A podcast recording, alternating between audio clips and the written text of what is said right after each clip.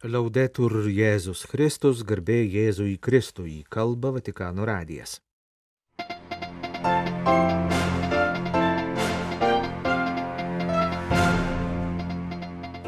Popiežiaus audiencija Italijos socialinės apsaugos fondo vadovams ir darbuotojams. Kartų ryšys užtikrina socialinį saugumą, per audienciją sakė Pranciškus. Kitoje pirmadienio ryto audiencijoje popiežius priėmė Bosnijos ir Hercegovinos premjerę. Paskelbta kanonų teisės kodekso pataisa, kuri prailgina apeliacijos terminus asmenims pašalinamiems iš vienuolyjų. Jeruzalėje vyko dvi verbų sekmadienio procesijos. Rusijos katalikai paminėjo kunigo kankinio Konstantino Butkevičiaus sušaudimo šimtasias metinės.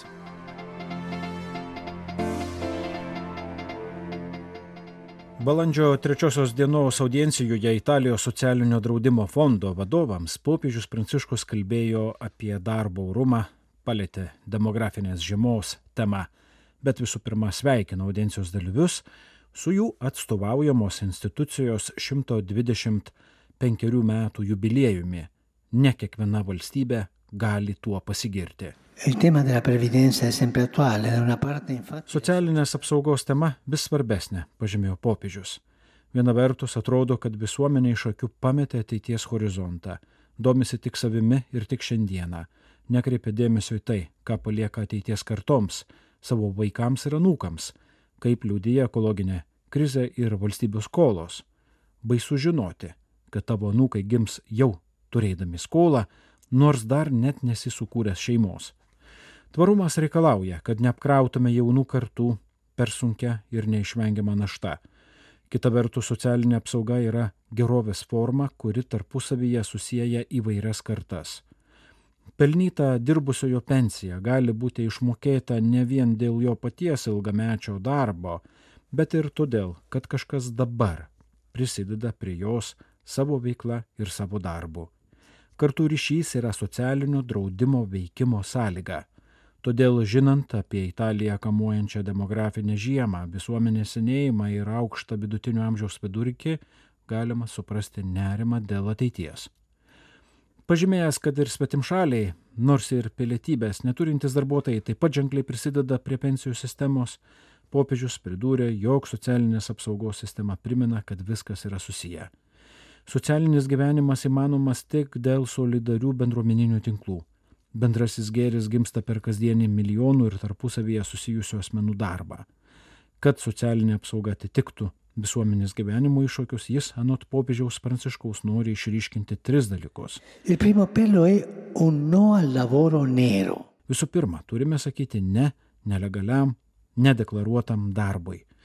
Trumpo laiko perspektyvoje gali pasirodyti, kad jis naudingas, bet ilgesnio laiko perspektyvoje jis neleidžia šeimoms teisingai prisidėti prie pensijų sistemos, o po to gauti prieigą prie jos. Nedeklaruotas darbas iškraipo darbo rinką, o darbuotojai tampa pažeidžiami bei rizikuoja būti išnaudoti. Panašiai turime sakyti ne neužtikrintoms ir trumpalaikiams darbo sąlygoms, ypač tada, kai jos taikomos ne pereinamajam laikotarpiui, o kaip bendra taisyklė, ypatingai jaunų ir vyresnių žmonių atžvilgiu.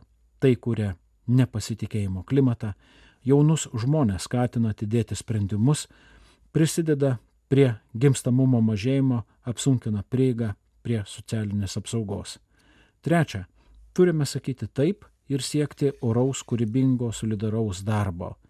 Socialinė apsauga yra būdas prisidėti prie savo bei kitų gerovės. Prieiga prie sveikatos apsaugos sistemos ir dalies ekonominių išteklių skirimas yra gerybės, kurios susiję įvairius gyvenimo sezonus. Ir Biblija, pridūrė popiežius Pranciškus, pateikia gerų ir netikusių socialinių garantijų pavyzdžius. Evangelijos palyginime apie godų žmogų matome turtuolį, kuris turi pilną sandėlį gyrybių ir mano, kad jam nieko nebetrūksta, kad yra saugus. O Dievas jam tarė, kvaily, dar šiandien bus pareikalauta tavo gyvybės, kamgi atiteks ką sukroviai. Gero rūpeščio pavyzdžių gali būti patriarchas Juozapas, kuris būdamas Egipto valdytoju kaupė grūdus, kad atsilaikytų prieš ateities negandas. O kai badas užėjo visose kraštuose, tik visame Egipte buvo maisto. Juozapas pasitikė Dievo apvaizdą ir rūpeščių, bet taip pat moka žvelgti į ateitį ir pasirūpinti jam patikėtai žmonėmis. Mums reikia išmintingų politikų, kurie vadovautųsi brolybės kriterijumi ir mokėtų įvertinti kiekvieną laikmetį, nešvaistytų išteklių, kai jų yra, ir nepaliktų ateities kartu dideliuose sunkumuose, kalbėjo popiežius, dėkodamas audencijos dalyviams už tarnystę, dirbantiems, bet taip pat bedarbiams, ligonėms, seneliams, netekusiems veikatos.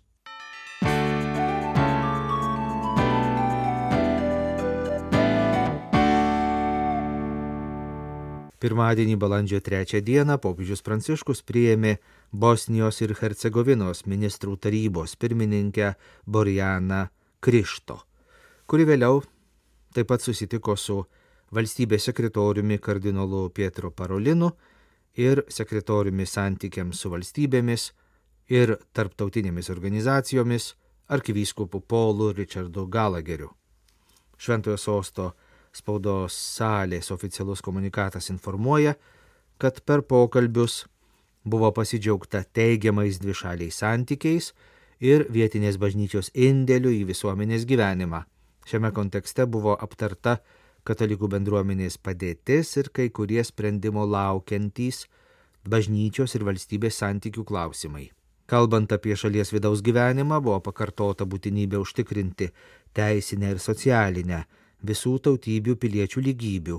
Taip pat pabrėžta dialogo tarp visų politinių veikėjų svarba siekiant Bosnijos ir Hercegovinos gerovės. Galiausiai buvo kalbama ir apie ES plėtrą. Su pasitenkinimu pažymėta, kad Bosnijai ir Hercegovinai yra suteiktas šalies kandidatės statusas.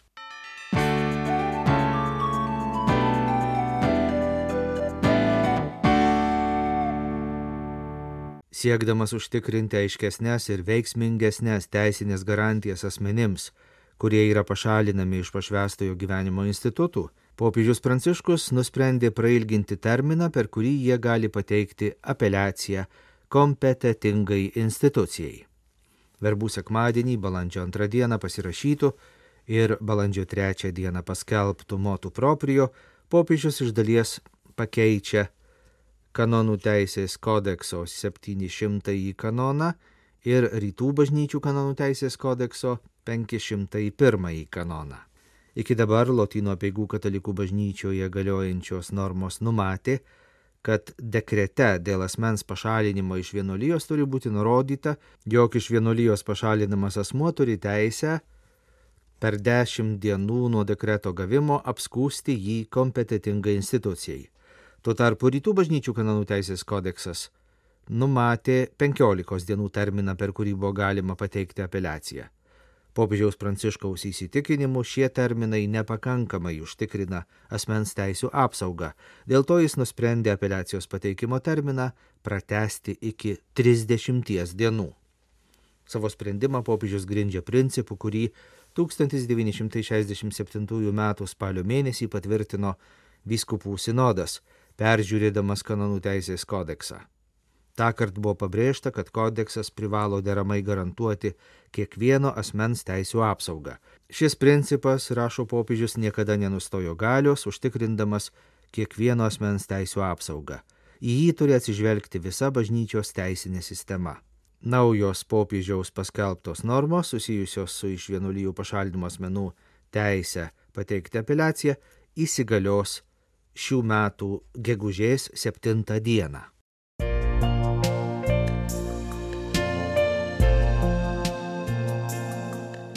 Jūs klausotės Vatikano radio. Tęsėme žinių laidą lietuvių kalba.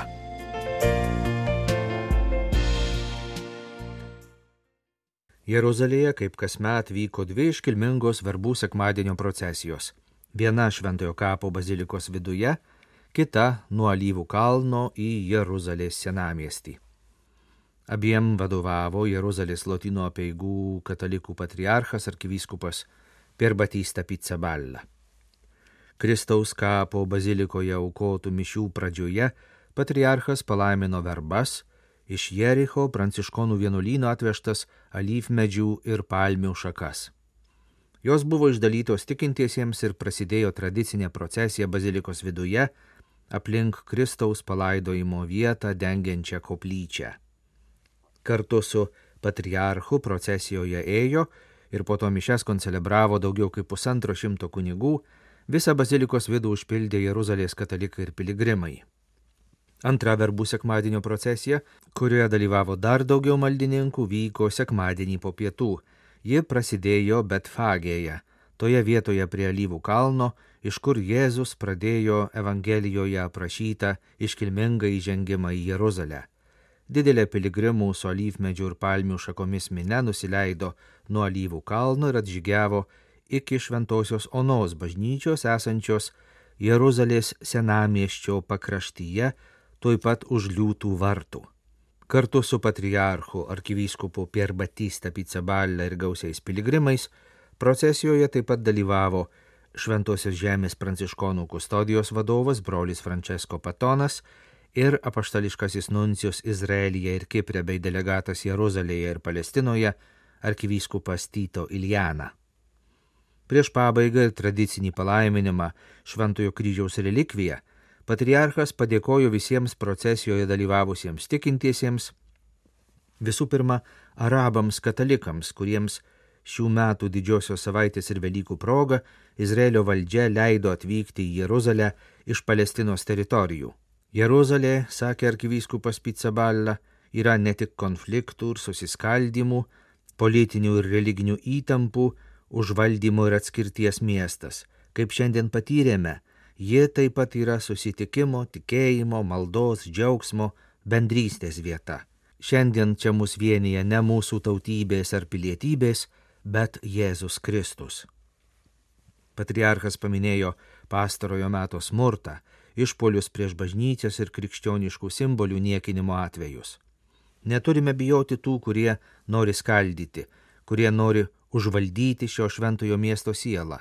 Jiems nepavyks, nes šventasis miestas visada buvo ir liks visų tautų maldos namai.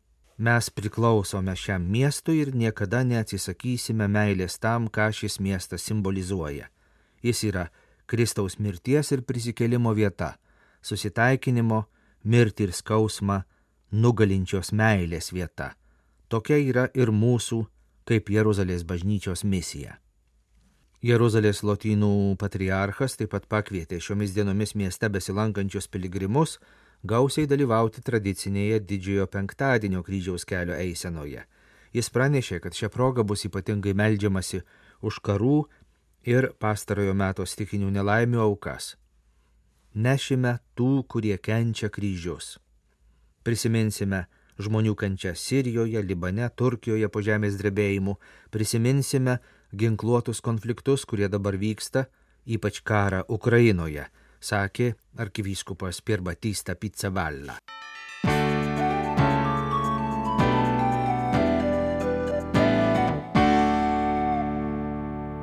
Kovo 31 dieną Maskvos katalikų katedroje per mišes, kuriams vadovavo arkivyskupas Paulio Petsi, buvo prisimintas katalikų kunigas Konstantinas Butkevičius, minint šimtasias sovietų valdžios įvykdyto mirties nuosprendžio metinės. Buvo meldžiamasi už jo ir kitų vyrų bei moterų, atidavusių gyvybės už Kristų 20-ojo amžiaus 3 ir 4 dešimtmečiais beatifikacija. Netrukus po bolševikinės revoliucijos nauja Rusijos valdžia pradėjo konfiskuoti bažnyčių turtą. Buvo pareikalauta, kad ir negausios Rusijos katalikų bendruomenės vadovai pateiktų bolševikų valdžiai savo maldos namų inventoriaus sąrašus. Atsakydamas į reikalavimą, tuometinis katalikų bažnyčios Rusijoje vadovas Mogiliavo arkivyskupas Janas Čeplekas išsiuntė aplinkraštį kunigams, kuriame nurodė nesudarinėti valdžios reikalaujamų konfiskuotinos nuosavybės sąrašų. Reaguodamas į tai, 1922 m. lapkričio mėnesį Peterburgo vykdomasis komitetas uždarė visas mieste esančias katalikų bažnyčias. 1923 kovo 2 dieną arkivyskupui Čeplekui ir 14 katalikų kunigų buvo įsakyta atvykti į teismą Maskvoje. Atvykę į Maskvą, arkivyskupas ir kunigai buvo suimti.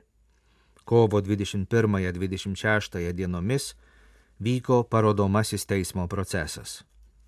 Arkivyskupas Janas Šeplekas ir jo generalvikaras Peterburgo Šventojios Kotrynos bažnyčios klebonas kunigas Konstantinas Butkevičius buvo nuteisti mirties bausme. Kiti kunigai nuo penkerių iki dešimties metų kalėjimo bausmėmis. Dėl tarptautinio spaudimo arkivyskupui mirties bausmė buvo pakeista dešimties metų laisvės atėmimo bausme, o vėliau jis buvo iškeistas į Lenkijoje suimtus bolševikų veikėjus ir išleistas iš sovietinės Rusijos. Kunigas Konstantinas Butkevičius buvo sušaudytas 1923 m. kovo 31 d. Ta diena buvo didysis šeštadienis. Tai buvo išėjimas į dangų amžinajam gyvenimui, sakė Maskvos arkivyskupas Paulio Petsi per e, mišes aukotas šių metų kovo 31-ąją. Jis taip pat pranešė, kad jau eina į pabaigą kunigo kankinio betifikacijos proceso diecezinis etapas. Kartu su kunigu Konstantinu Butkevičiumi į tą pačią bylą įtraukti ir kiti aštuoni 20-ojo amžiaus trečiojo ir ketvirtojo dešimtmečių kankiniai - du vyskupai, keturi kunigai, sesuo vienuolė ir moteris pasaulietė. Beatifikacijos byla jau 1952 metais Romoje buvo pradėta ir arkivyskupui Janui Čeplekui, kuris prieš šimtą metų buvo nuteistas mirties bausme, bet buvo išgelbėtas nuo sušaudimo. Ko nestebuklingai atgavęs laisvę arkivyskupas 1925 m. rudenį atvyko į Romą, susitiko su popiežium Pėjumi XI. Po to išvažiavo lankyti Lenkų diasporos parapijų Junktinėse valstijose. Kaip tik tuo metu Pijus XI jį paskyrė pirmuoju tais metais po Šventojo sosto konkordato su Lenkija sudarytos Vilniaus arkivyskupijos ganytoju. Tačiau paskirtasis arkivyskupas mirė 1926 m. vasario 17 d. dar būdamas Junktinėse valstijose, nespėjęs užimti Vilniaus arkivyskupo sosto. Jo palaikai 1926 kovo 26 buvo palaidoti Vilniaus katedroje. Kai komunistų valdžios uždaryta Vilniaus katedra buvo gražinta tikintiesiems, iš pradžių kurį laiką arkivyskupo Čiepleko kapas buvo paslėptas. Jis buvo restauruotas ir atidengtas 2018 metais.